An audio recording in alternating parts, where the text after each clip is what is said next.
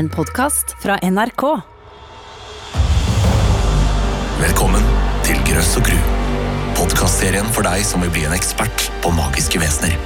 Mitt navn er Scott Maurstad. Og i dag skal du få bli kjent med Kirkegrimen. Vi starter med litt info. Kirkegrimen. Kategori jordeier alenevesen. Farlighetsgrad ubehagelig, men som oftest ikke veldig farlig. Kjønn både kvinnelig og mannlig. Beskrivelse skapes ved at et levende dyr mures inne i steinmuren rundt kirkegården. Et skremselsvesen som holder orden på ånder og mennesker på kirkegården. Kjennetegn. Glødende øyne og skarpe pigger på ryggen. Framstår som en monsterversjon av det dyret den var da det levde. Beskyttelse oppfør deg ordentlig i kirken og på kirkegården. Har du noen gang gått gjennom en kirkegård seint på kvelden og følt at noen eller noe observerer deg? Det er fordi noen gjør det. I gamle dager gravla man dyr levende på kirkegårder.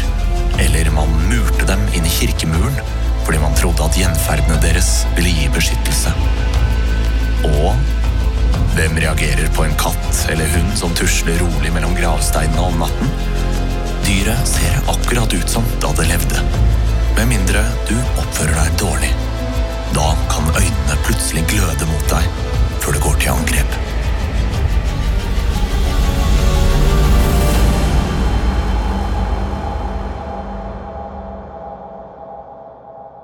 Kirkegrimen var et skremselvesen og skulle beskytte kirken og kirkegården mot tyver, vandaler, hekser og trollmenn og djevelen selv.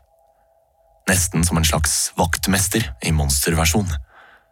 Den ble til ved at et levende dyr, som for eksempel en katt eller en hund eller en hane, ble murt inn i kirkegårdsmuren. Kirkegrimen var fremdeles det dyret det var da det levde, før det endte sine dager levende begravd. Men når den gjenoppsto som spøkelsesvesen, var den blitt et monster.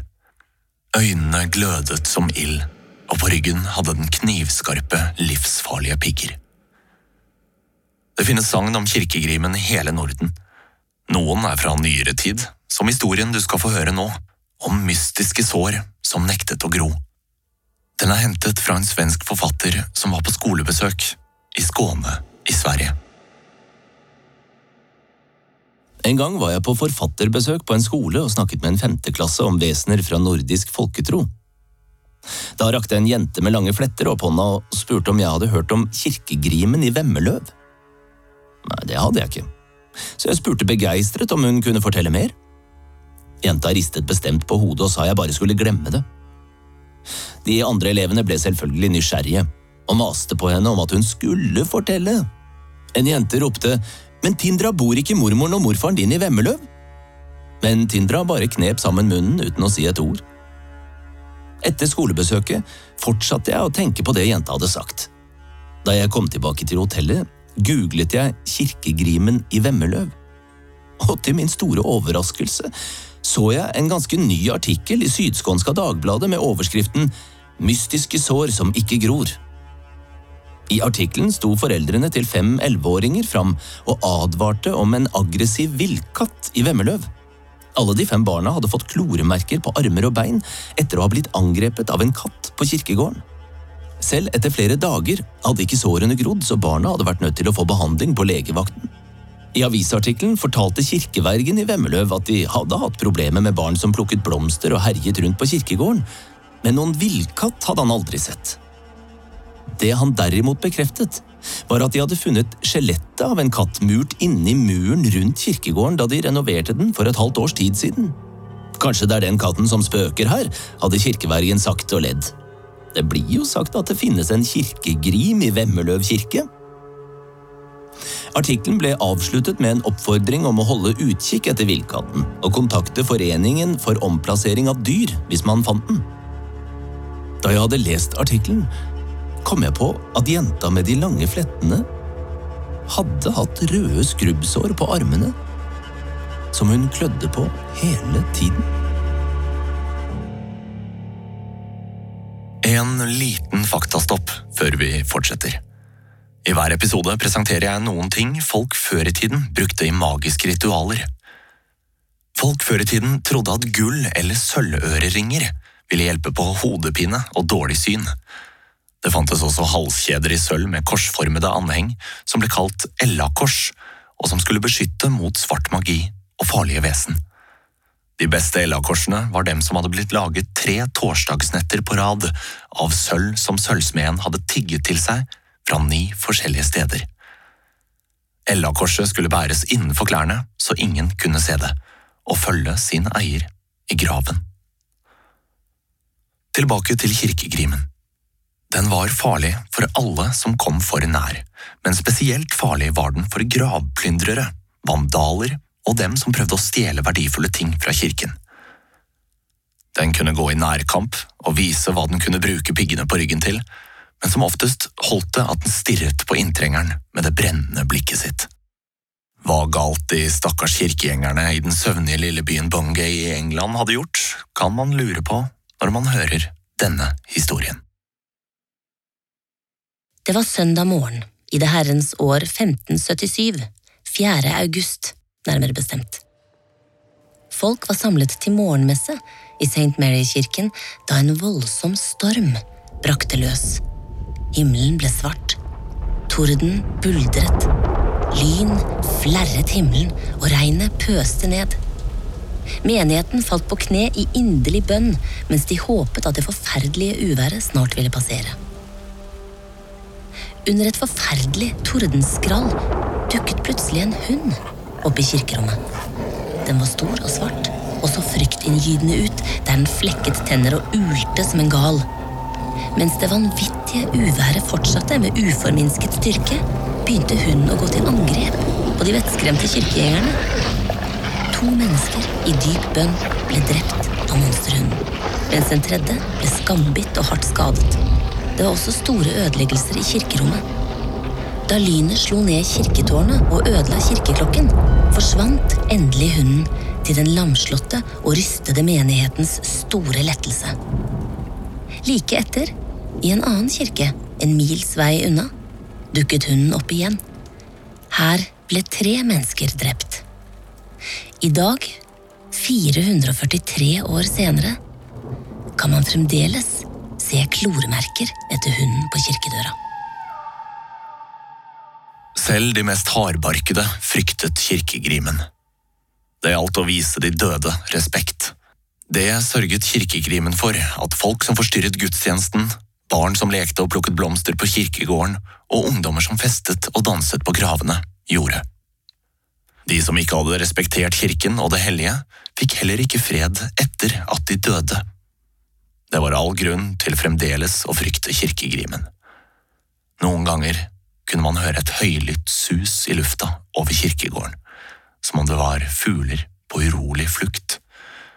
Det var natteravner, gravlagte med så mye på samvittigheten, som var skremt opp fra graven av kirkegrimen, og som måtte sveve hvileløst rundt helt til de fikk vende tilbake til graven og synke ned i fred og ro igjen når morgenen nærmet seg. Den triste tradisjonen med å grave ned levende dyr for beskyttelse, eller for å få folk til å oppføre seg ordentlig, var utbredt både i Norden og Europa. En av de mest kjente spøkelsesdyrene i Norge finnes i kjelleren på Akershus festning i Oslo. En jente på tolv år sa nylig til meg, hvis du går alene i kjelleren på Akershus festning om natta og møter en sort hund, da er du i deep shit. Ifølge henne vil man da dø i løpet av det neste døgnet. Historien sier at en levende hund ble muret inn i bygningen da festningen ble bygget, i 1299. Malkanisen kalles den. Den onde hund. I middelalderen var det skikk å begrave et levende dyr foran inngangsdøra for å beskytte inngangen og bygningen ellers mot inntrengere og overnaturlige makter. Den onde hunden på Akershus varslet også ulykker. Gjenferdet av denne hunden sies å gå igjen den dag i dag, og skal ifølge sagnet holde til i mørkegangen ved Jomfrutårnet. Da mørkegangen raste sammen omkring år 1550, turte verken offiserer eller soldater å gå ned dit. Derfor måtte sjefen sjøl, kommandanten på Akershus, gjøre det. Han gikk gjennom gangen med en lykt i hånda og skyndte seg til stedet der steinene hadde rast ut. Da dukket det en beksvart skygge fram fra mørket. Det var en diger hund med rødglødende øyne, hoggtenner og restene av en lenke rundt halsen. Kommandanten ble så livredd at han kastet lykta mot hunden. Det endte med at han kom krypende ut på alle fire, mer død enn levende. Likblek og med svettedråper i pannen stammet han bare ett ord. Malkanisen. Og elendigheten var ikke slutt med dette. Bare noen måneder senere døde den stakkars kommandanten da han falt av hesten sin. Akershus festning er for øvrig kanskje det mest hjemsøkte stedet i Norge. Festningen har en lang og fæl historie, og det sitter mange vonde minner i veggene her, etter folk som har blitt sperret inne i fangehull og torturert. Det er på tide å avslutte, men som vanlig gir jeg deg noen gamle magiske triks, som også er litt ekle. Bæsj ble faktisk brukt som et magisk knep i gamle dager. Det kunne bli brukt som medisin mot tannverk. Ja, du hørte riktig. Det var bare å legge litt av sin egen bæsj mot tanna som gjorde vondt. Eller hvis man var lei av kjæresten sin, kunne man få han eller henne til å miste interessen ved å putte litt bæsj i maten.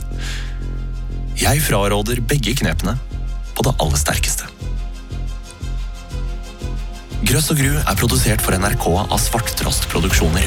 Mitt navn er Scott Maurstad. Du hørte også stemmene til Ine Jansen og Espen Sandvik. Denne serien er bygget på den svenske bokserien Vesenologi av Ingela Korsell. Manusforfatter er Ingrid Greaker Myhren. Musikk, klipp og lyddesign er av Peter Baden. Redaktør i NRK er Gitte Kalmeier.